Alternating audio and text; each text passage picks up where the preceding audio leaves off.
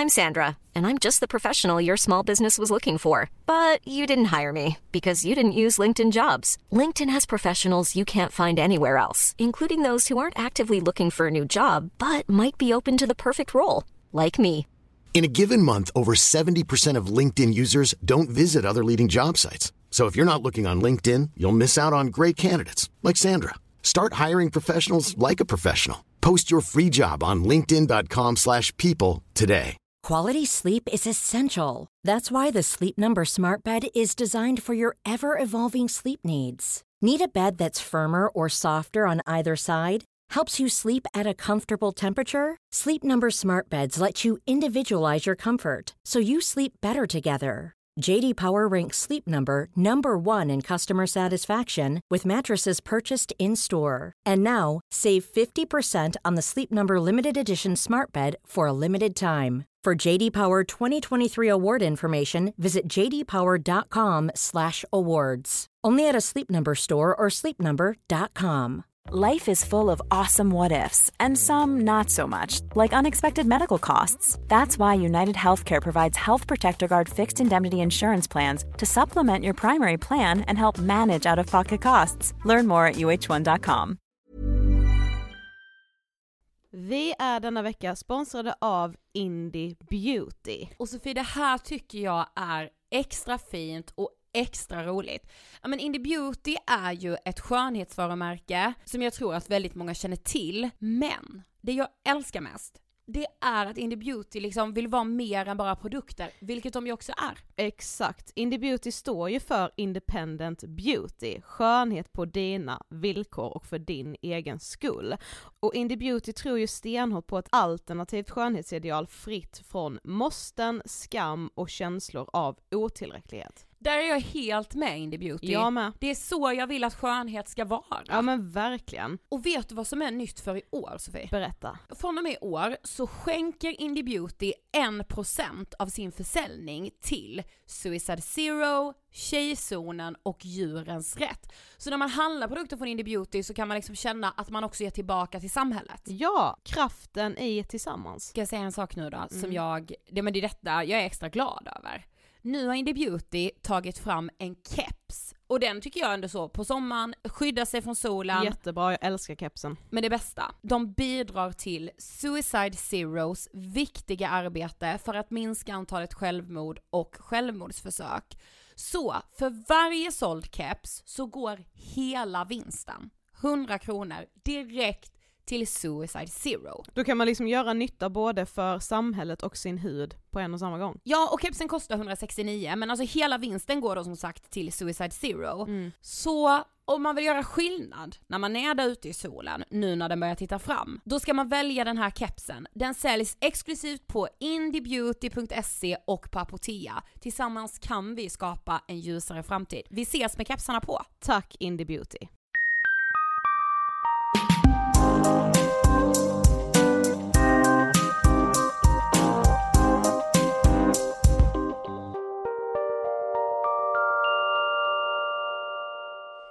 allihopa och varmt välkomna till avsnitt 192 av Ångestpodden! Hej! Det var jätteskrik. Ja, om det var någon som hade råkat sätta på vår podd i sömnen så vaknar de nu. Nej men alltså jag måste säga en grej. Jag är förkyld. Vem är inte det? Nej, ja jag vet. Men senast jag var där så skulle jag åka taxi och kräktes i taxin. Förlåt ni som har fobi nu, alltså men jag... Men du har jag redan berättat om den kräkhistorien. ja, precis. Och nu känner jag bara att jag mår så illa. Jag tror kanske att det är lite psykologiskt men jag blir också väldigt, väldigt rädd. Får jag påminna dig om den gången när du då spydde i taxin? Mm. Då var du ju jävligt mycket mer sjuk än vad det är nu. Jo jag vet. Nu har du en liten förkylning. Jag mår så illa. Alltså nu i kollektivtrafiken var det så här, jag bara, jag får panik. Mm. Men jag bara gick på ändå. Det är tur att vi inte ska åka så långt Mm. när vi ska hem härifrån. Mm, nej men jag vet, men jag tycker bara det är hemskt. Ja, det, så kan det vara ibland. Annars då? Förutom förkylning? Jo men då är det jättefint tror jag. Ja. Jag har ångest. nej jag skojar. Så här, varje avsnitt Ja, ska, vi ska är aldrig glada. Nej men så här, vi ska gräva. Nej men alltså jag måste vara så himla glad hela tiden. Nej, det måste man inte. Men jag tycker, alltså, jag tycker ändå det är viktigt, alltså det har vi ju gjort också, alltså nu har jag stundtals liksom lyssnat på väldigt gamla avsnitt av som vi har gjort. Och då, det finns ju faktiskt avsnitt där vi liksom säger att ja men det är bra, ja men ja det känns bra. Verkligen, det är vi väldigt sa- viktigt att få säga det också. Ja men vi sa det väldigt mycket mer innan. kan jag Nej, det känna. var värre och värre nej, och värre. nej detta. men alltså verkligen, alltså på riktigt så är det ju ändå bra med dig och mig nu jag. Ja, det är det. Mm. Det är liksom, faktiskt kände jag typ häromdagen att jag, alltså typ för ett halvår sedan då innan jag skulle fylla 25 Ja. mådde jag ju piss i det. Alltså Ja. jag hade ju sån panik för att det, det är som att jag har haft någon bild av vad jag ska vara när jag är 25, alltså det kändes som en sån jävla milstolpe att fylla 25. Fast det är bara jag själv som har satt den milstolpen. Alltså Ja. jag har väl blivit liksom präglad av samhället eller någonting, jag vet inte. Men jag kände ändå häromdagen så att, nu har jag faktiskt landat i att vara 25, alltså nu tycker jag om det. Vad skönt. Men jag kände ju också samtidigt att så kan jag få vara 25 nu. Ja, du I alla så. fall i ett år till. Ja, nu är det ju bara ett halvår tills jag fyller 26. Ja men precis. Men eh, jag trodde ju att jag skulle ha en åldersnoja inför 25. Ja. Hade inte så farlig. Nej, Alltså jag, för det var faktiskt för att inte. du såg mig några månader innan och bara, Ja. fy fan. Ja det var faktiskt, jag var chockad. Mm. Var Men det är nog för att du alltid har haft mer åldersnoja än mig egentligen. Ja. Och så blev det att du tänkte att om Sofie har åldersnoja nu, tänk då jag då. Ja precis. Mm. Men nej men jag tog ju snacket med dig för ett tag sedan nu om att jag var rädd att du inte mådde så bra. Mm. Men jag tror att det var, alltså, det har jag verkligen märkt på sistone, alltså mina, inför mina mensar och under mensen och några dagar även efter, alltså då mår jag piss. Jag har inte gjort det innan, alltså jag har inte, det är klart att jag har liksom, Men gå, alltså då ska man gå till en gynekolog. ja, mm, För liksom så här, om man kan få hjälp med att inte må piss. ja, men det är ju psykiskt, vad ska gynekologen göra och säga? P-piller. Om jag inte har p-piller. Nej men du vet alltså det finns ändå mycket som man kan liksom göra. Ja. Ja, jag får se. Det har varit så nu typ de tre, tre senaste mensarna. Ja men och sen samtidigt också att du ska börja i terapi. Ja, jag vet. Jag vet. Men det är svårt att ta tag i det när man aldrig har gjort det innan. Ja jo men det är det men då, det finns ju liksom internetbaserat. Ja, det vet jag. Ja. Men det är svårt ändå. Men ska vi försöka sätta ett datum för det?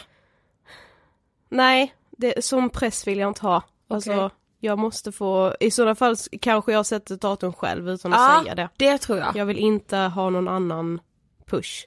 Okej. Eh, ja, okej, vi måste prata om dagens sponsor.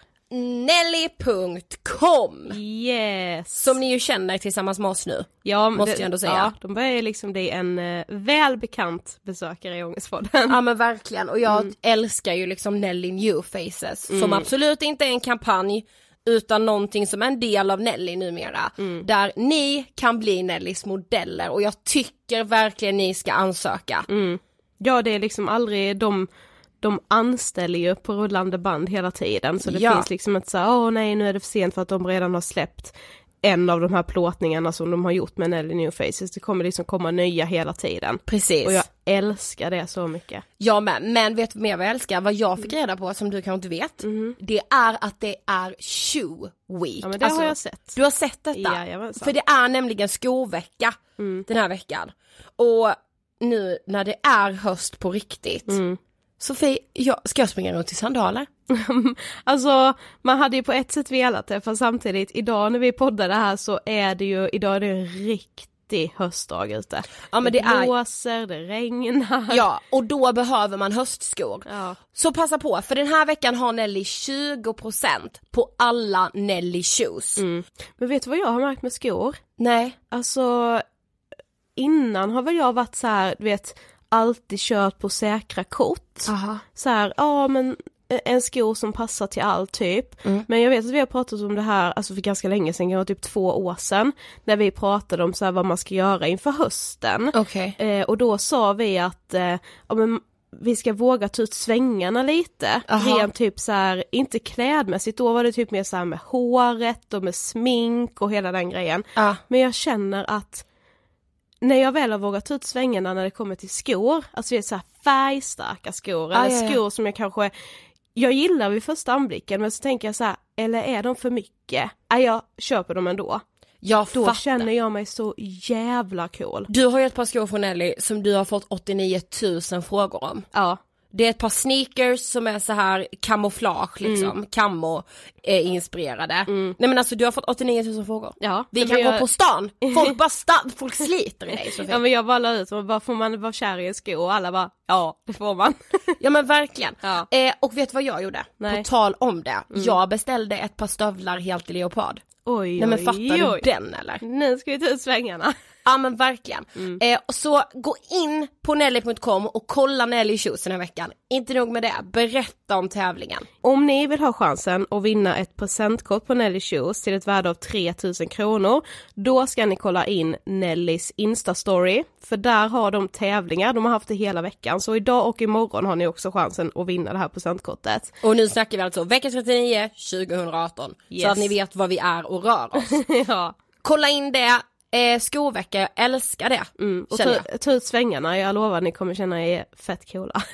Ja, gör vi, jag. vi gör det. Mm. Tack Nelly. Och idag har vi ju med oss en yes! Ah, Gud jag älskar henne. Mm. Jag är liksom, jag kände på något sätt, förra veckan poddade vi om dödsångest så kände jag igen mig väldigt, väldigt mycket i Cecilia som var här då. Mm. Men jag kände ju också igen mig väldigt, väldigt mycket i Victoria som är här idag. Som ju kanske är mest känd ifrån eh, Mello. Ja men tog inte hon Sverige med storm? Är inte hon det Jag här skulle när man... säga hon tog Mello med storm. Ja men där med Sverige väl? Mm, ja, jo så är det väl. För jag tänker liksom att så här, det här uttrycket att ta någon med storm, det där måste ändå vara det. Mm. Vi pratar ju egentligen om lite allt möjligt med Victoria. Det kändes som att vi hade så himla mycket att prata om så det blir ett ganska långt avsnitt idag. Ja och Victoria var ju väldigt så öppen med det att hon var ovan vid att prata om det här och jag tyckte det var så fint att hon bara men jag känner att det här är viktigt. Så jag ville gästa er podd. Ja men det är alltid en ära när man har en gäst som inte är så van och som kanske aldrig har pratat liksom om svåra saker i det liksom offentliga rummet. Mm, precis. Så vi rullar intervjun med Victoria. Varsågoda! Hej Victoria och välkommen till Ångestpodden! Hej! Tack så mycket. Jag är så glad att du är här. Jag är skitglad över att vara här. Ja, det känns bra hoppas Det jag. känns lite overkligt. Nu kör vi. Eh, för de som inte vet, vem är du? Ja, det är ju frågan va? Jag vet inte riktigt själv. Ehm, men eh, man har sett mig i Melodifestivalen två gånger. Jag har varit med i lite olika tv-program. Eh, jag är artist, jag sjunger, skriver låtar och är en helt vanlig tjej. Vid sidan av. Men alltså jag måste bara fråga, för jag är liksom så intresserad av hela så här mello och allting. Alltså hur var det att vara med där första gången? Och typ så här, för du var väldigt typ okänd innan. Mm, Alltså helt. var inte det helt sjukt? Ja men hur hamnade du där liksom? Ja, det, det är frågan va? Ehm, nej, alltså jag... Det blev så. Jag, vill säga, jag har alltid liksom, jag har alltid sjungit hela mitt liv. Alltså jag har alltid hållit på med musik. Och eh, så kom Save Me upp då som en låt och vi bestämde för att skicka in den till Mello. Eh, och det var riktigt tanken att jag skulle göra Mello då. Jag hade ju ett skivkontrakt och vi började jobba med, liksom, eh, nu ska vi skapa en karriär här och liksom bygga på det. Men Mello var aldrig någonting vi riktigt pratade om. Och sen kom det på tal och så spelade vi upp låten för SVT och de tyckte om den. Så då skickade vi in den och så kom jag med. Och jag var ju 19 eh, då. Ehm, och liksom, det var året efter jag tog studenten så det blev väldigt här, snabbt inpå. Ehm, och jag vet inte, det var, jag, jag tycker det var väldigt bra i tiden, jag gjorde det men samtidigt när man ser tillbaka på det så bara okej jag var väldigt ung. Men jag känner samtidigt att där jag var i livet då och vart jag är nu känner jag att det var perfekt i tiden på något sätt. Ja, och jag har utvecklats mycket sen dess. Men det var väldigt läskigt, framförallt just det här med ni säger, jag var, ingen visste vem jag var, jag var okänd liksom. Eh, och att hoppa in i den cirkusen och tävla mot så artister jag sett på tv sen jag var liten ja. och träffa människor som bara åh gud min mamma älskar dig och det, det blir den här och att människor man sett upp till och Ah. sen all den här prestations, alltså ångesten man själv får, all press som Precis. sätts på en. Ehm, det är otroligt svårt. Eh, men eh, samtidigt det roligaste jag gjort. Men du, vad tänker du på när du hör ordet ångest? Mycket saker. Ehm, jag tror det första som kommer upp är att det finns så många olika typer av ångest. Ehm, jag har en person i mitt liv som är väldigt nära som har väldigt mycket existentiell ångest, vet jag, eh, som lider otroligt mycket av det dagligen. Sen har jag själv kan känna att jag har en otrolig prestationsångest många gånger. Eh, ångest över, ja men det här med vem är jag, hur känner jag mig och ångest över framtiden Mm. har jag otroligt mycket. Eh, det är nog det jag skulle säga att jag själv har mest. Um, någonting man tänker på varje dag. Eh, det kan vara det kan vara så dagliga saker och det kan vara så stora grejer och det kan vara så små saker som skapar ångest och det finns på alla olika plan. Och för vissa så är det otroligt starkt och kan ta över hela ens liv och för vissa är det lite mindre eh, och vissa har lite enklare att kanske ta bort det och vissa tycker det är jättesvårt. Så jag tycker det är en otroligt stor känsla på något sätt att ha. ehm, som är väldigt jobbig. Mm. Ja, jag känner igen mig i det här med framtidsångest. Det har ju Gud, med. ja. Eh, men det känns som att vi vill prata om massa olika saker med dig, men vi börjar liksom lite från början som vi brukar göra. Du är född och uppväxt i Borås. Ja. Hur eh, har din uppväxt varit? Jag har haft en jättefin uppväxt. Och jag tror inte jag riktigt förstod det när jag var liten. Nej. Ehm, mina föräldrar är ihop fortfarande. Jag har haft de två mest alltså lovable parents som man kan ha. Alltså jag, de har stöttat mig så otroligt mycket. De har curlat sönder mig. Jag relaterar. ja, jag... eh, Och jag... Jag har tänkt, när man var liten så tänkte man alla har det så här. Ja, exakt. Men eh, nu när jag är äldre och pratar med andra människor om hur deras uppväxt har varit så inser jag att oj vad lyckligt lottad jag är. Ehm, jag har växt upp i ett jättefint område i Brämhult som ligger lite utanför Borås då och eh, ja men med två föräldrar som haft det väldigt bra ställt och som har älskat sönder mig och min syster och jag har fått se världen, vi reste mycket när jag var liten. Samtidigt så har jag alltid bott i samma hus så jag har aldrig känt den där. Jag har Ah, jag hade aldrig några dödsfall i familjen när jag var liten eller något jobbigt som hände. Eh, så jag har varit väldigt, jag har haft alltså, väldigt overkligt bra Ja. barndom. Eh, måste jag säga. Ja. Men sen när du började gymnasiet så började du på Rytmus i Göteborg. Alltså Rytmus var sån dröm, vi gick i musikklass i Karlshamn och Rytmus var sån dröm. Ibland kan jag vara så ledsen att vi liksom aldrig sökte dit. Ja men jag vet att jag, alltså så här, jag tänkte tanken för att söka det i Stockholm, men jag kände typ då att jag inte vågade flytta hemifrån, då var man liksom bara, Ja precis. gammal är man när man börjar i gymnasiet? Ja men man är ju typ eh, 15, Jag var 16. 15 tror Ja. jag, för jag förlorade sent på året. Ja precis, just det. Ja man är 15 eller 16. Mm. Ja. Men alltså du skrev till oss här innan att gymnasietiden var tuff för dig. Vad var det som liksom hände då? Ehm, jag lyssnade på ert avsnitt om det här, vem, vem är jag? Ja. Och då sa ni att många sa i högstadiet att det var tiden de hittade sig själva och allt det där. För mig var det i gymnasiet. Ja. I gymnasiet så var det så här, jag Ja men jag verkligen så här, vem är jag? Vad vill jag? Vad håller jag på med? För jag kände att under hela högstadietiden och under all tid liksom Då jag var i Borås och gick i skolan där Så tror jag att jag satte på något filter av att försöka vara någon jag inte var för att passa in i samhället och hur det är i Borås. Och när jag började i Göteborg och eh, gick i skolan där ehm, så började experimentera tror jag med, så här, med kläder och musik och vänner, kanske umgås med människor jag kanske tidigare aldrig trott jag skulle kunna umgås med för de gillar den där musiken och de, de gillar att göra det där. Och jag, eh, jag blev mer öppen eh, och det är så kul när man kollar så här bilder på typ kläder och stilmässigt hur jag såg ut i gymnasiet för att ettan, tvåan och trean, det är som tre olika personer. Eh, för jag var verkligen så här, ja ah, men nu vill jag det här, ja ah, men nu vill jag det här Ja. och jag testade mig verkligen fram. Och sen när jag tog studenten i trean då, då kände jag så här, nej men nu, nu är jag ganska bekväm i den, den, jag har hittat så här, det här gillar jag, det här trivs jag i, sådana här människor tycker jag om. Ja. Eh, lite så. Ehm, så att gymnasiet var på det sättet ehm, viktigt. Ja. Sen så var det mycket som hände i mitt liv. Jag, eh, ja men jag var med om eh, väldigt mycket jobbiga grejer med kompisar. Då det var mycket bråk och mycket stora avslut, alltså mycket relationer som tog slut.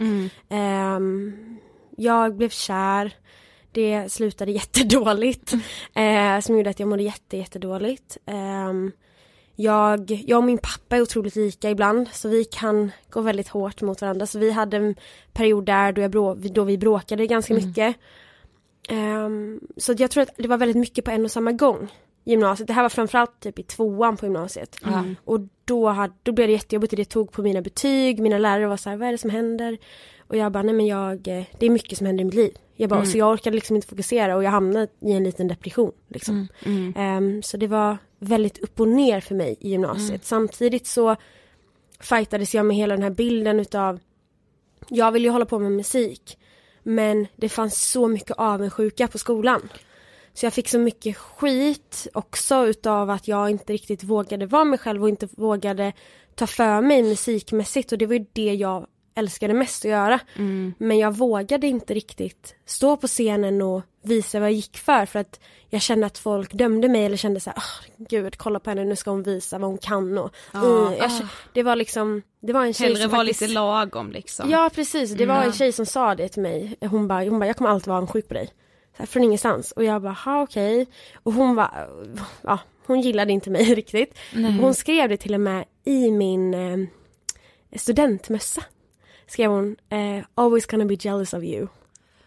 Jag Oj. bara, okej. Och det Fast- blev så konstigt. Men shit vad sjukt, alltså så här, Mm. jag tänker ändå vad sjukt av henne att ändå typ stå för det. Ja, Alltså på ett faktiskt. sätt, Jag alltså, hade det aldrig vågat göra det. Nej, på ett sätt är man typ så är jag avis på någon, då försöker jag typ dölja det och så här, bara, Ja mm. fast det värsta är ju när man inte kan dölja det men man skulle aldrig erkänna att man är Eller avundsjuk Nej, utan det precis. kommer fram en så jävla vidrig egenskap Ja, hos en att man såhär, oh man försöker trycka ner på andra sätt eller man såhär, ja fast du alltså Men jag kan tänka mig, alltså en sån skola som typ Rytmus, det är ju skitbra såklart för att man säger här satsar vi på musiken eller och alla ja. som kommer in där är svinduktiga Ja liksom. men samtidigt med det här att det blir avundsjuka och det blir, det kan jag Och det verkligen var tänka mig. det jag inte trodde det skulle bli riktigt jag. nej. När jag började, jag var så här, gud vad härligt, nu kommer jag till en skola där alla älskar musik, alla Ja. gillar att göra samma sak. Man har något gemensamt med allihopa Ja. och jag trodde verkligen att det skulle vara mer gemenskap än vad det var. Ja. Men istället var det jättemycket att så här, kolla nu tror hon sig eller åh kolla han, åh gud det där och det där. Och det blev så svårt och jobbigt och det blev att jag själv tryckte ner mig själv väldigt mycket för jag vågade inte ta för mig. Jag vågade inte när vi skulle ha gruppindelningar och så här, ah, dela upp den här låten. Då vågade inte jag säga, jag skulle gärna vilja ha den här delen. Eh, utan istället så var jag så här, ja ah, men välj ni. Och så blev folk alltid liksom sura om jag då sa vad, hur jag ville ha det. Ehm, för jag, jag har inte rätt att säga det. Jag har inte rätt att fråga och be om be vad jag ska. Alltså det var väldigt mycket sånt. Ja. Eh, vilket blev väldigt tufft för jag var alltid så här men man kommer tillbaka till det här, men jag bara, hur, hur ska jag vara? Vem är Ja. jag? Hur ska jag vara runt människor? Och det blev att jag förminskade mig själv i väldigt många situationer. Men alltså när vi har haft artister här innan som har varit med i Mello så har de just pratat om liksom prestationsångesten Ja. kring det. Jag vet bland annat att eh, Johan och Chris från Du vet, Mm. du sa så här att vi har aldrig haft prestationsångest innan men när vi skulle ställa oss i Mello. Ja, det är ändå någonting. Ja men precis. Det är men alltså, speciellt. hur, alltså hur har du det liksom generellt med prestationsångest? Um, Mello är ju, är ju ett speciellt sammanhang. Ja. Och jag hade otroligt mycket prestationsångest andra året jag var med. För då var, då var jag jättefavorittippad. Alla var så här, Ja. du kommer vinna, Victoria vinner i Just år, det. du kommer gå direkt till final. Och, och det, då blev jag så här, nej men sluta, sätt inte press på mig att jag ska göra det. För tänk om jag åker ut nu, då kommer ju folk bli så här, åh gud nej, hon gick inte ens vidare och jag kommer själv känna så här, shit gud jag gick inte ens vidare. Och alla trodde att jag skulle gå till final. Alltså jag satte sån press på mig själv och jag ville verkligen visa alla att jag var så bra som de ville att jag skulle vara. precis. Ehm, och sen så är det ju, man har ju ett skivbolag som vill att det ska gå bra, man har ett management, man har folk som investerat så mycket pengar i att det ska vara ett snyggt nummer och att det är låten, det är låtskrivare, det är, det är så många inblandade. Och jag blev mer så här, första året så hade jag inget att riktigt förlora. Nej. Andra året så var jag så här, gud jag kan inte göra folk besvikna nu. Jag bara, och tänk om jag gör det? Tänk om mina fans tycker jag är jättedålig nu? Tänk om alla bara såhär, gud vad är det här? Det här gillar vi inte alls. Ja, jag, då sätter jag jättemycket prestationsångest på mig själv. Och jag gör det när jag ska göra de typerna av grejer. När jag ska, Och när jag ska sjunga live så är det Sjunger jag en enda liten ton fel eh, Sjunger jag någonting min röst inte håller helt, det kan vara att jag är sjuk, det kan vara att den är trött, det, alltså då jag sitter och klandrar mig själv jättehårt för det. Ehm, och jag kan sitta och bara såhär, gud jag håller inte upp mina sociala medier tillräckligt bra. Nej gud jag, jag borde dela med mig mer utav mitt privatliv och hur jag är som faktiskt person för jag delar inte med mig så mycket. Mm. Eh, vilket också är därför jag tycker det är så här att sitta här idag så att folk faktiskt kanske får lära känna mig mer. Eh, för jag har väldigt svårt utav att dela med utav mig själv online. Jag, ty- jag vet inte varför, jag tycker det är jättesvårt. Ehm, så det, jag kan känna jättemycket prestationsångest över liksom de grejerna eh, ibland. Men hur hanterar du den då? Det är ju det, jag vet inte själv. Nej. Jag har inte hittat något bra sätt. Ehm, jag försöker att intala mig själv om att så här, nej men du är bra, um, skit i vad alla andra tycker och tänker. Um, huvudsaken är att du ska vara nöjd och är jag inte nöjd så försöker jag bara vara så här, det är okej att inte vara nöjd. Eh, det är okej att känna så här och att liksom känna att man inte trycker ner sig själv för mycket. Eh, för huvudsaken är att man ska må bra liksom. Men jag tänker på alla sådana saker, så vilken prestationsångest det måste vara med allt så här, Allsång på Skansen, Lotta på Lisse, Ja. alltså sådana saker. Ja det blir ju alltid Alltså när det är det här det live och TV. hela Ja. den. Ja. Alltså jag, det som är skönt är att så här, jag, jag är aldrig nervös över så här, gud kommer jag klara av att sjunga? Nej. För att det vet jag att jag kan. Vilket är, alltså det, det är jätteskönt att Ja. aldrig känna den pressen. Men sen så äh, känner jag ju press för så här, men jag vill att alla ska tycka om det. Ehm, och om det är så att jag sjunger typ fel, det har ju hänt, att man sjungit fel text. Istället för, nu har jag börjat lära mig att här, skratta bort det ibland och vara så här, och jag pratar mer när jag kör live, eh, jag hatar ju att prata inför människor men jag har börjat lära mig det att så här, ja men öppna upp mig mer och så här, okej gud jag, jag kommer sjunga fel på den här låten bara så ni vet, jag har, tapp, jag har typ tappat texten men ni får hjälpa mig. Eh, och vara mer öppen på det sättet för det uppskattar folk. Folk Ja, uppskattar det är så så här, "Ah, hon är avväpnande." mänsklig och gud Ja, vad härligt. exakt. Ja. Medans jag själv kan klandra mig själv då så mycket och bara så här, shit nej jag tappar texten. Men det har jag blivit bättre på m- i, i och med att faktiskt så här, bara vara ärlig om det. och bara vara öppen och precis. så här, vet ni vad? Jag är mänsklig, jag gör fel Ja men det är så och det är okej. skönt. Ja, Ja, det är så skönt. Alltså verkligen. Men alltså vi var inne på det lite innan, just det här med ångest kring framtiden. det har jag och Sofie också, men Ja. berätta. Jag har, det är nog det jag har absolut mest ångest för, Mm. skulle jag säga. Um, framförallt för att den här branschen är så liksom osäker. Mm. Jag har ingen aning om hur mitt liv ser ut om fem år. Nej.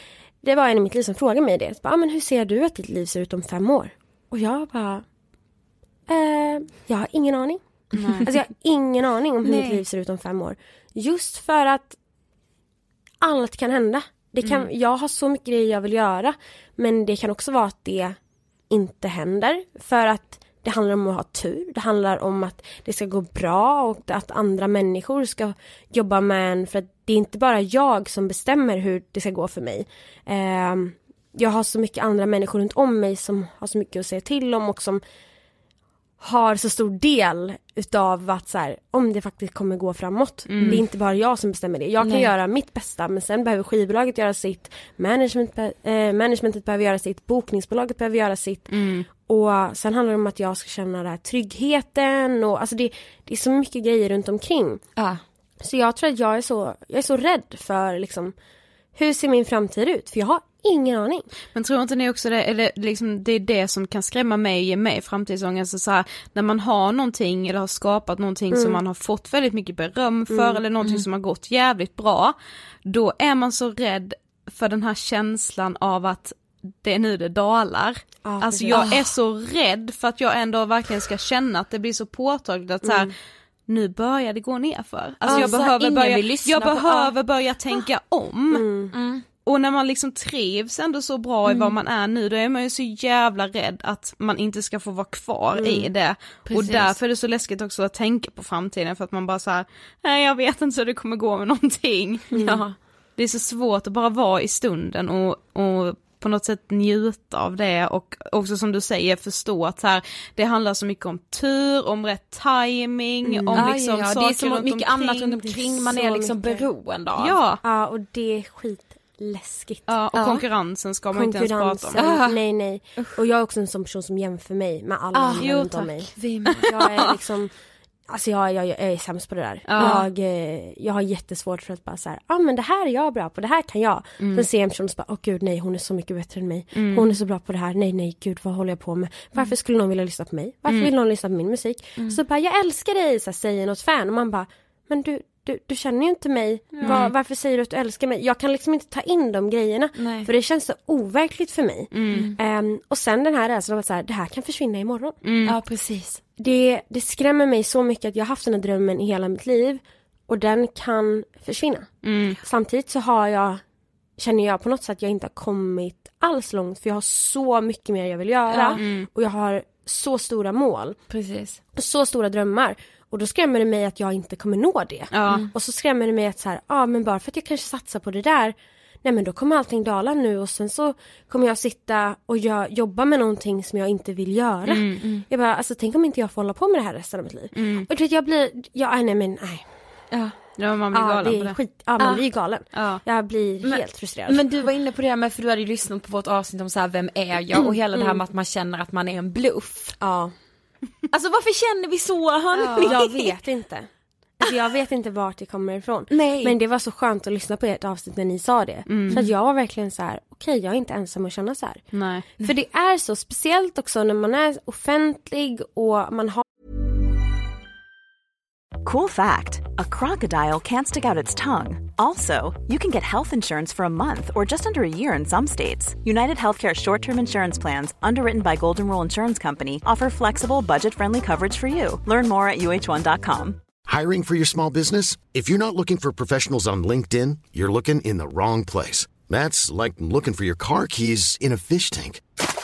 LinkedIn helps you hire professionals you can't find anywhere else, even those who aren't actively searching for a new job but might be open to the perfect role. In a given month, over 70% of LinkedIn users don't even visit other leading job sites. So start looking in the right place. With LinkedIn, you can hire professionals like a professional. Post your free job on linkedin.com/people slash people today.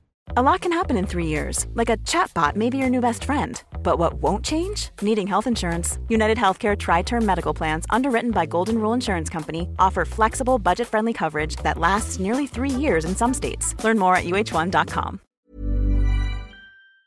har hela sitt liv för alla att se på något sätt. Då blir det så här, alla har en idé om hur man är. Precis. Det är så här, ja ah, men du är så här, men du gillar ju det här, du är så här. Man bara, fast nej, fast, fast jo. Och Det är liksom så här, delar utav mig är så men sen har vi delar som jag inte har visat för någon annan än de i min närhet. Och det, det är så svårt och så blir det så här, alltså jag vet liksom inte. Jag, jag känner att när ska folk, precis som ni sa, så här, när ska folk inse att jag är en bluff? Det är som att så här, folk kommer vakna upp och bara Aha, fast hallå varför har vi, varför har vi velat vara med henne? Hon, jaha, nu förstår vi, hon har ju bara Glidit på bananskal. typ. Ja men typ, det är så här, som att allting har bara hänt utav en ren slump. Ja, pre- exakt. Och att så här, ja okej, fast hon hade tur. Man kan inte se allt man har liksom kämpat Nej. för eller allt man kämpat med. Alltså, Nej men också så här, ja lite har också ham- eh, handlat om att man har haft tur Absolut. och liksom varit, haft rätt timing. Ja ja, det men handlar så, så jättemycket är om det ju det. för alla. Men det handlar ju om vad man gör med det. Precis. Det är det som är grejen. Ja. Och eh, jag vet människor som har kämpat mycket mer än vad jag har gjort egentligen. Ja. För att försöka komma fram och det har inte, det har inte liksom slagit in för dem än. Eh, och då känner man också så här, man bara, och så sitter jag här. Man bara, jag hade tur. Men då blir det också så här, ja du hade tur i och med att du träffade de där människorna och sen så gjorde du ett bra intryck. Ja, men exakt, du har ju ändå gjort du någonting för att hamna där. Ja, Ja. och det är det man får försöka så här, sätta in sig själv och att bara så här, men det, det är okej. Du, absolut, det handlar om tur, det handlar om att alltså om man kollar världen och världsartister, då handlar det ju om att så här, ja men rätt person hör den Precis. låten och tycker om det. Ja. Och sen så bara, ja men jag vill satsa på henne. Så det, alltså det handlar om så små grejer. Ja. Och då bara, okej, då vill jag att hon ska bli en världsartist. Alltså det är så enkelt. Och då är det så här, ja men då måste det handla om det. Det kan vara att jag men det här med att bli, saker blir virala, det är Ja. likadant där. Ja. Det handlar om tur, det handlar om timing. Ja, och algoritmer. plötsligt- Algor- ja men alltså, och det, det är så svårt och liksom så här, men då måste man också okej men nu hände det här. Vad gör jag utav att det blev så här? Precis. Exakt. Alltså liksom helt plötsligt så hittade Scooter videon på Justin Bieber när han var hur liten som helst och sjöng. Ja. Och nu bara ja! Alltså så är det ju verkligen. Ja. Men eh, det som är liksom vanligt när man lider av så här bluffsyndromet, det handlar ju typ om att man har ganska dålig självkänsla och Ja. självförtroende liksom. Eh, men hur hanterar du kritik? För jag antar att du, alltså så här, när man är offentlig person så får, ja, inte minst i mello, så kommer det väl in ganska mycket dålig kritik. Men hur liksom hanterar du det? Det är en så svår fråga för mig. För att det beror lite på vad för typ av kritik det är. Jag är en person som alltid haft jättesvårt för kritik från så här nära och kära. Ehm, och människor runt omkring mig, vänner. ehm, om min familj säger någonting som tar hårt, då, då, alltså då tar det jättehårt. Men om någon säger någonting online, då kan jag bli så här, "Ja, ja, okej, tyckte så. Ja. Det kan ta, det kan, alltså det behöver inte kännas alls. Och sen ibland kan det kännas och ta hårt. Eh, men ofta så handlar det om, jag har alltid brytt mig jättemycket om vad folk jag träffar tänker om mig. Vad folk känner om mig. Och det är oftast de grejerna som kan ta, som jag läser online, om någon skriver så här.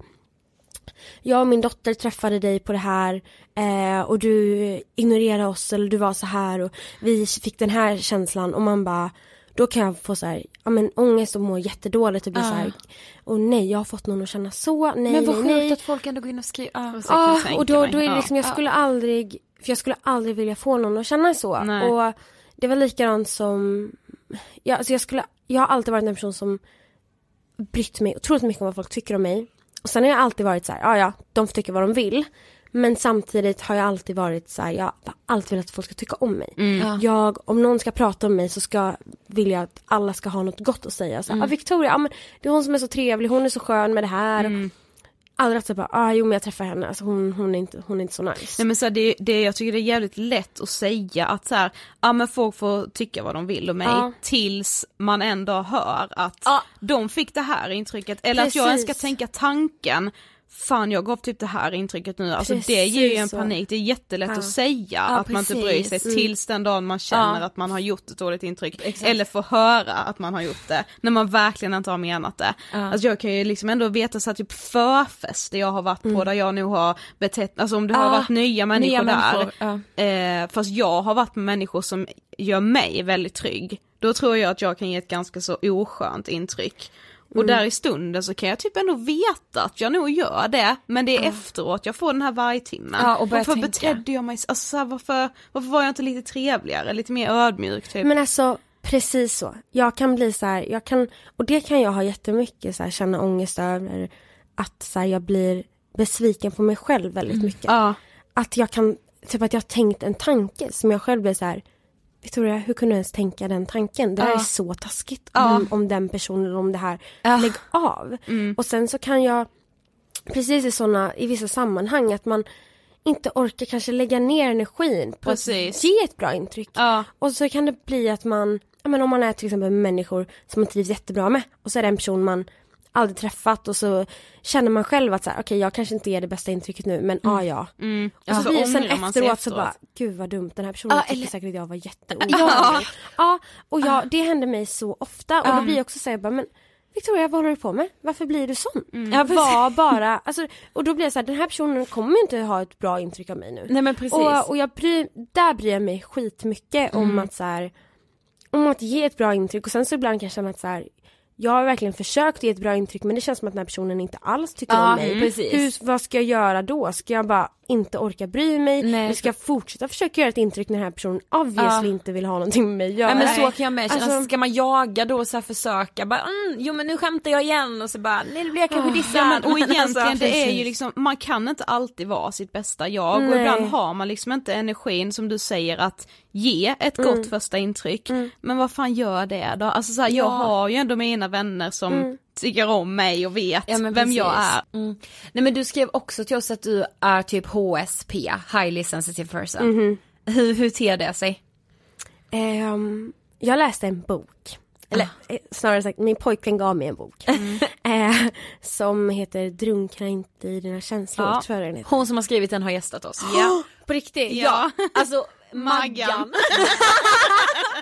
Ja. Nej men hon är den coolaste. Ja. Jag kan verkligen Alltså, tänka mig det. Ja, det är hon. Lyssna på det Ehm, avsnittet för han- hon är bara såhär. Okej, då ska jag verkligen göra det. Han hade läst boken. Eh, och han kunde känna igen sig på vissa saker och så var han så han bara Victoria, du måste läsa det här för det här är du.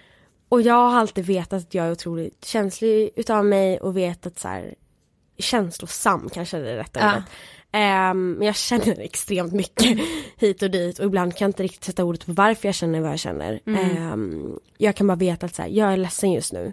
Jag vet inte varför men jag känner mig deppig idag liksom. Ehm, och ehm, när jag läste den här boken så kände jag verkligen igen mig på så mycket grejer. Alltså så extremt mycket grejer. Och det hjälpte mig jättemycket att så här, ja men de bara, när du känner så här, acceptera känslan. Det var det så här första grejen. Man bara, acceptera att den finns där.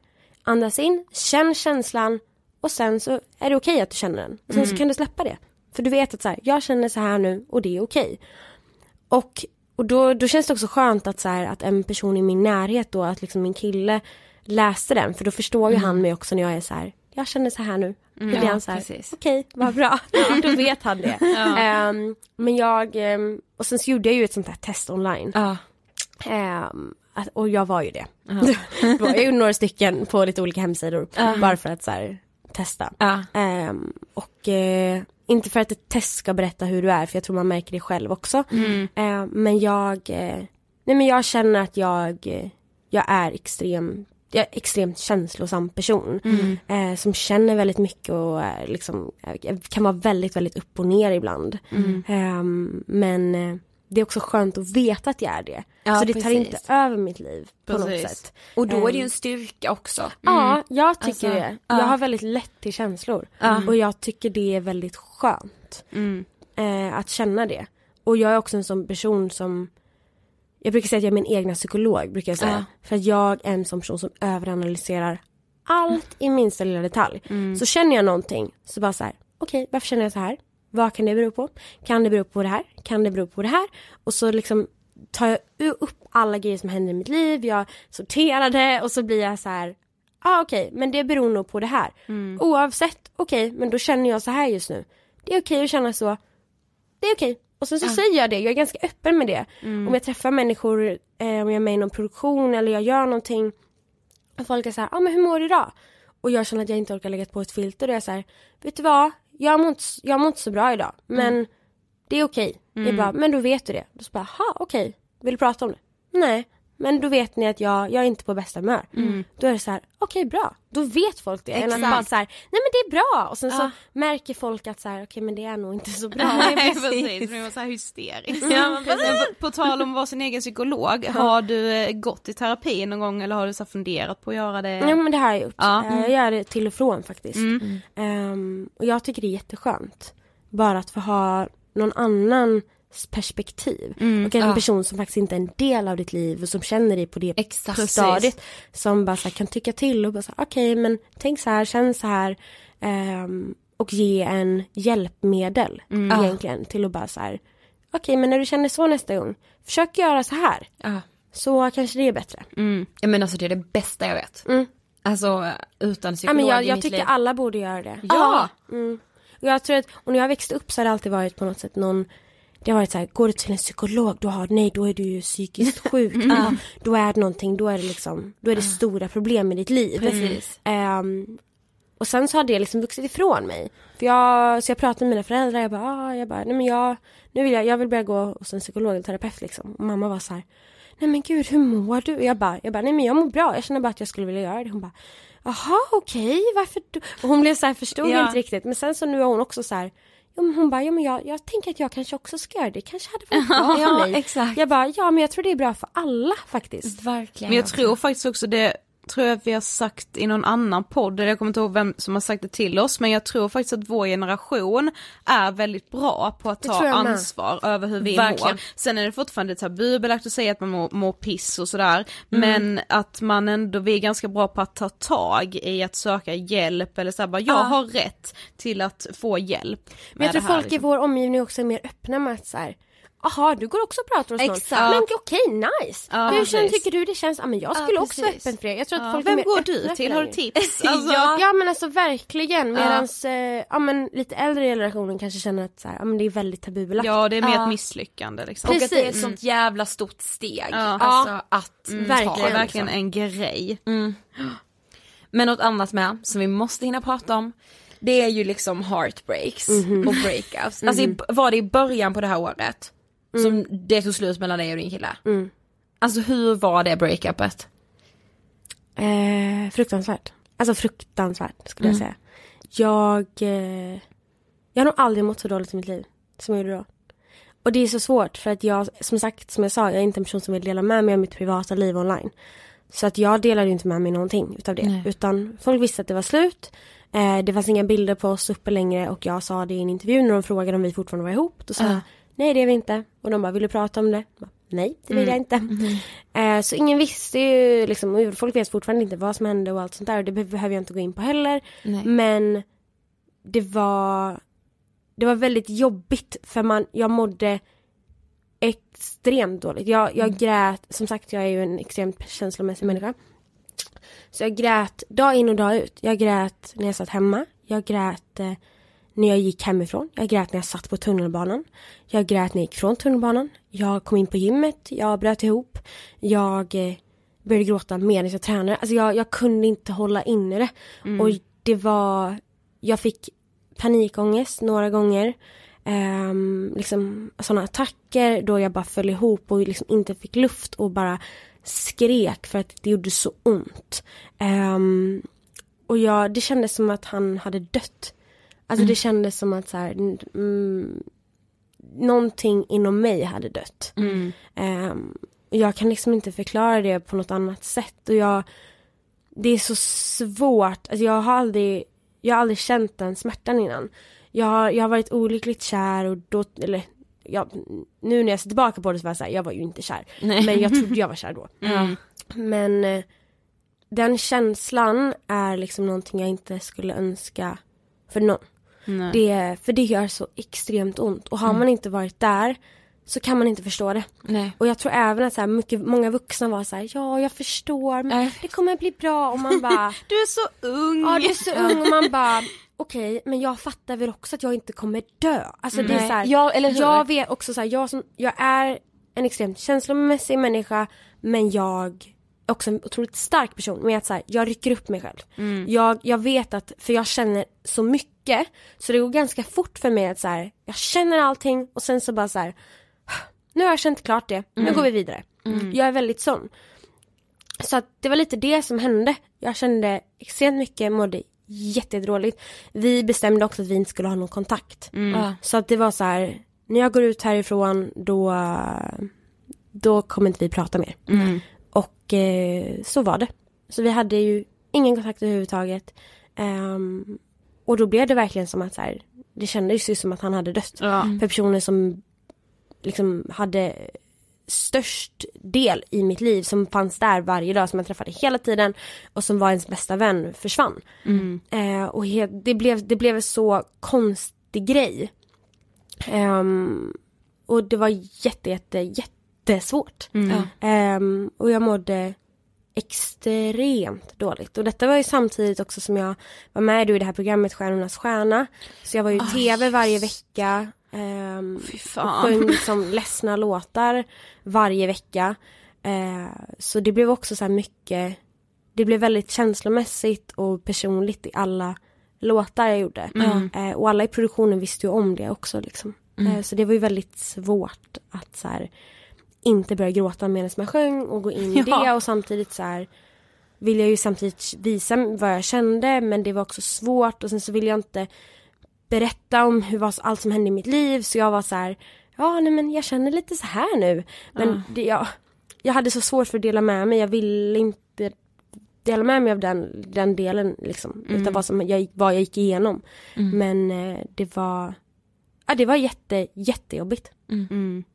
Men jag, alltså så här, det vet jag att vi liksom pratade om när Felix gästade oss Mm. också, då de- dedikerade vi typ hela avsnittet till Mm. just olycklig kärlek och hela den här med att, ja men jag, eh, främst kanske äldre i ens omgivning och så bara, Mm. åh, alltså det är nästan lite gulligt att man är så olyckligt kär, för att de förstår inte smärtan. Nej. Eller så här, jag tror att även om man har varit i det själv så är det ju så smärtsamt så att man förtränger det. jag tror också Så att, det alltså, och, alltså om du ska hitta någon som förstår det till fullo där och då, det måste vara någon som går igenom det precis just där och då själv. Alltså jag och Felix träffades ju och äh, pratade igenom så mycket. Vi, han, han, känner, han känner ju också då min kille och jag känner ju hans då ex.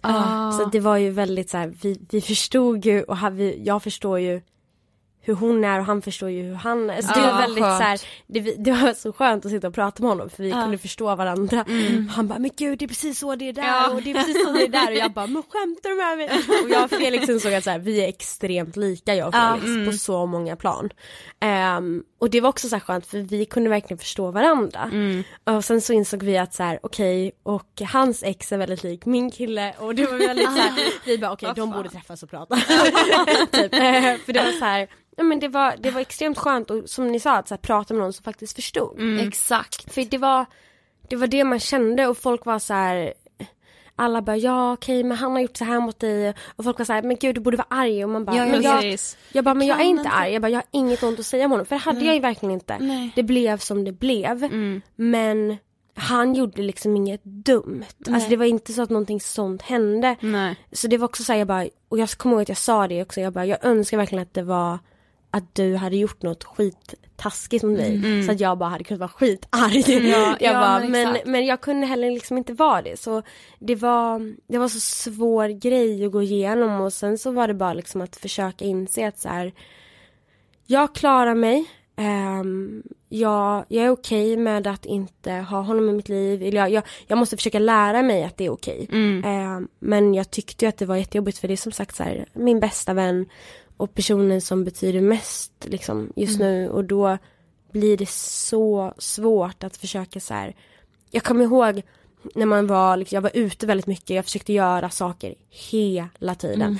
Jag, för jag fick ju panik då att vara ensam i min lägenhet. Jag bara, för då tänkte jag ju inte på något annat. Så jag bara, jag måste träffa kompisar. Alltså jag hör av mig till alla i min kontaktlista. Jag bara, vill du ses? Vill du ses? Vill du ses? Vad, vad gör du? Vad gör du? Alltså jag var så här, jag gjorde saker hela tiden. Ja. För att jag, jag ville inte, jag var tvungen att hitta på saker. Eh, och, eh, och det var skitkul. Men eh, det var ju också så här, bara, man var på någon fest och så var det någon som kom fram och så här flörtade med en. Och man stod ju bara och var så här, men du är inte han. Nej, jag vet. Alltid. Man bara, man bara, ah, okej du är trevlig men sorry. Och det var som att så här, man såg någon i typ någon liknande jacka, typ någon liknande frisyr. Man bara, man bara, oh my god är det han? Och så bara, nej det var inte han. Eh, och så bara, man såg någon som hade samma stil och man bara, men han såg trevlig ut. Men han är inte han. Och det, var så här, alltså det var alltid som man jämförde skitmycket liksom. Så det var, det går också så här, jag vet liksom inte hur, hur man gör för Nej. att gå vidare. Alltså man så bara gör tänker det. jag med. Alltså hur gör man? Jag vet verkligen inte. Nej. Och för mig är det liksom så här, om jag jämför, alltså det ska man kanske inte göra så här, jämföra sina perioder när man har mått dåligt. Mm. Men om jag jämför panikångest, min depression med min så här, största olyckliga kärlek. Alltså inget slår det. Mm. Jag, inget har gjort så ont Nej. som att vara olyckligt kär. Alltså jag, det finns inget jag kan jämföra med det liksom. Nej men jag håller med. Det var, det var, så, det var verkligen hjärtskärande. Det, det ordet är, alltså det är exakt så det känns. det känns som att någon tar en kniv och skär rakt igenom hjärtat skithårt och man bara så här. Man, man liksom, alltså man, man dör. Man dör inombords och det är liksom, det, man vill bara att det ska sluta kännas. Ja, och när man man drömmer om det. Man, När man somnar så gråter man. Jag hade liksom en eh, toalettrulle vid fönstret som ligger precis vid min, ja men så på nattduksbordet liksom. Eh, för att jag, vak jag vaknade mitt i natten och bara grät. Jag, När jag somnade så grät jag. Och jag det var liksom, jag, eh, jag har aldrig mått så dåligt som jag gjorde då. Ehm, men det känns också skönt att jag har gått igenom det. För då tänker jag att så här, då kanske det blir lättare nästa gång. Ja. Ja men också man, man klarar ju det. Det känns ju Man gör ju omöjligt det. där och då. Man men klarar det ju det. gör ju det. Man måste komma Tro ihåg det eller det. ej. Så Mm. gör man det. Okej vi har faktiskt kommit till sista frågan. Okej, nej. Vad inspirerar dig? Vad inspirerar mig? Gud, jag tycker det är en så svår fråga. Jag Men får den ganska svår. ofta. Ja. Men jag tycker den är skitsvår. För det kan vara lite allt möjligt. Det, kan vara, det kan vara kärlek, det kan vara att jag är kär. Det kan vara kompisar. Att det är någonting med dem och att, att de är kära. Det kan vara min familj. Det kan vara att jag blir inspirerad av att se saker som händer på gatan när jag går. Ehm, jag är en sån person som skapar en film i mitt huvud. Om allt jag ser, eller, eller typ en musikvideo. Jag, ska, jag skapar liksom som en liten så här kortfilm utav allting. Så ser jag liksom en tjej springer ifrån en kille på gatan och han bara nej hallå. Då kan jag bli så här: okej hur är filmen? Alltså jag blir så här, jag ser allting och det är likadant, så blir det ju när jag skriver musik. För jag skapar ju liksom en film och det kan vara från saker som händer i mitt liv, det kan vara från saker jag bara får upp. För att jag såg någon film igår som inspirerade mig. Det kan vara liksom allt sånt där. Men sen så skulle jag nog säga med att så här, inspiration som får mig att liksom jobba framåt och sånt där. Då är det mycket min familj, eh, mina föräldrar. De är två personer som är båda egenföretagare och har liksom jobbat upp sig från noll. Så de inspirerar mig extremt mycket plus att det är de trevligaste människorna som finns. Eh, vilket också inspirerar mig till att liksom bli bättre som människa hela tiden. Eh, att träffa människor som er till exempel. Som liksom jobbar med saker de älskar och som samtidigt också är extremt down to earth och jättetrevliga. Det inspirerar mig. Eh, musiker, andra musiker, artister. Beyoncé är en person som inspirerar mig jättemycket. Eh, och det kan vara människor jag jobbar med som får mig att vilja bli bättre. Ehm, men sen så skulle jag säga att jag inspirerar mycket, jag inspirerar mig själv mycket med att tänka på hur jag varit när jag var yngre och eh, hur jag har förbättrats som människa och eh, även liksom sångmässigt och sådana grejer. Jag eh, inspireras utav mitt framtida jag för jag tänker hur vill jag vara och jobba emot det. Ehm, så jag tror att det, jag är en person som kan inspireras av minsta lilla grej. Ehm, men det är ju framförallt människor liksom runt om mig och, och mig själv och hur jag ser på mig själv i hur jag har varit och hur jag vill vara. Tack så jättemycket för att du ville gästa Ångestpodden. tack så mycket! jag vill komma tillbaka! Det måste du göra någon gång. Absolut. Jag är på. Alltså Sofie, gud, du vet när vi pratar breakups i slutet. Mm. Alltså jag relaterar ju så mycket. Alltså den här förlamande känslan. Mm. Och det är så himla sjukt för man känner sig så himla himla ensam i det. Men så blir jag ändå påmind varje vecka när vi får ett mail från någon av er. Vi får minst ett i veckan. Om kärlek ja. Ja, från någon som är så här nydumpad och känner bara så här, mitt hjärta blöder. Och man bara känner sig så jäkla ensam med det och att så här, det är bara jag som har känt så här. Ja men och det, jag tycker med Det är så jävla viktigt att komma ihåg när man är där mitt i det att när man börjar känna så okej nu börjar typ mina vänner tröttna på att jag tjatar om den här personen eller nu är det ingen liksom som kan komma med några råd längre för att de har redan kommit med allt de kan. Ja.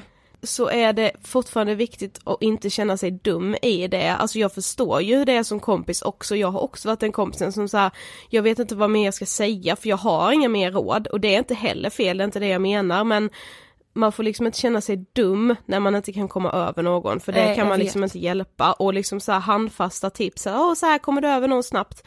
Det, man kan inte bara läsa dem och bara okej nu är jag över den här Nej personen. men jag vet. Man kan ju önska att man kommer över men Men jag tyckte också det var väldigt härligt att prata med Victoria om, ja men hela det här att slå igenom, alltså jag är så fascinerad av det.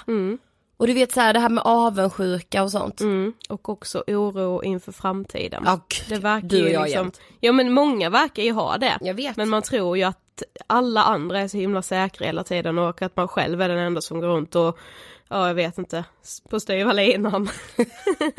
Men tack snälla snälla Victoria för att du gästade Ångestpodden. Hoppas att du vill komma tillbaka. Ja. Någon gång. Okej, innan vi liksom säger hej då, innan vi bugar och bockar, så tycker jag ändå att ni ska följa oss på Instagram. Ja varför gör ni inte det? Vi heter Angestpodden. Alltså jag måste säga att jag tycker det är helt sjukt att ni inte gör det. Jag tycker det är... Nej men alltså ni är mer än typ så här fyra gånger så många som lyssnar på, nej men alltså det är ännu mer. Ja. Alltså ingen av er följer oss på Instagram. Nej. Snälla gör det Ja. för guds skull. fan håller ni hus? Ja, vi vill ju ha er där också. Ja. Vi heter Angestpodden där i alla fall. Och ä- följ även våra privata. Mm. Jag heter Ida Hockerstrand. Och jag heter Sofie Hallberg och vill ni prata vidare om våra avsnitt eller om någonting kring liksom ångest eller pissmående så finns vår slutna Facebookgrupp Ångestpodden Vi pratar vidare. Den är något utöver det vanliga. Men den är, det är en plats att prata vidare på. Och nästa vecka, jag måste få berätta om ämnet fast jag vet att så många har önskat att vi ska prata om det här. Mm. Dating. Ja, kan ni inte Ja men vi säger så här, ni kan börja följa oss på Instagram, vi kommer lägga upp någonting på vår instastory där vi ber er skicka in era typ kanske datinghistorier eller så Ja men alltså allt kring egentligen så singelliv och dejtande och vad som kan vara kopplat till ångest. Precis, inte så här krossade hjärtan. Nej. Det har vi ju redan pratat om. Ja, Även fast ett hjärta nog- kan krossas på en första dejt också. Ja vi kommer nog vara och nosa. Ja. Okej, ni har lyssnat på Ångestpodden och vi älskar er för att ni gör det. Ja det gör vi. Ha en fantastisk torsdag. Och helg, herregud. Och vecka tills vi Ja. hörs nästa gång. Okej, puss på Hej då! er. Hej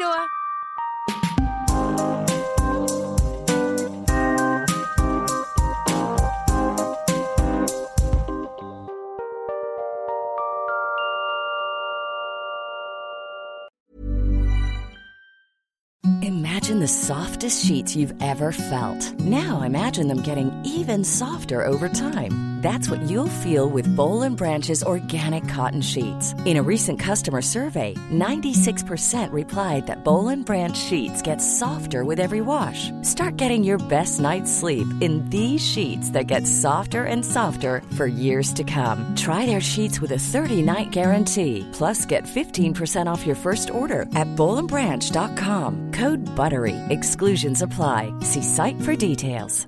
Even when we're on a budget, we still deserve nice things. Quince is a place to scoop up stunning high-end goods for 50 to 80% less than similar brands. They have buttery soft cashmere sweaters starting at $50, luxurious Italian leather bags, and so much more. Plus, Quince only works with factories that use safe, ethical, and responsible manufacturing. Get the high-end goods you'll love without the high price tag with Quince. Go to quince.com slash style for free shipping and 365-day returns.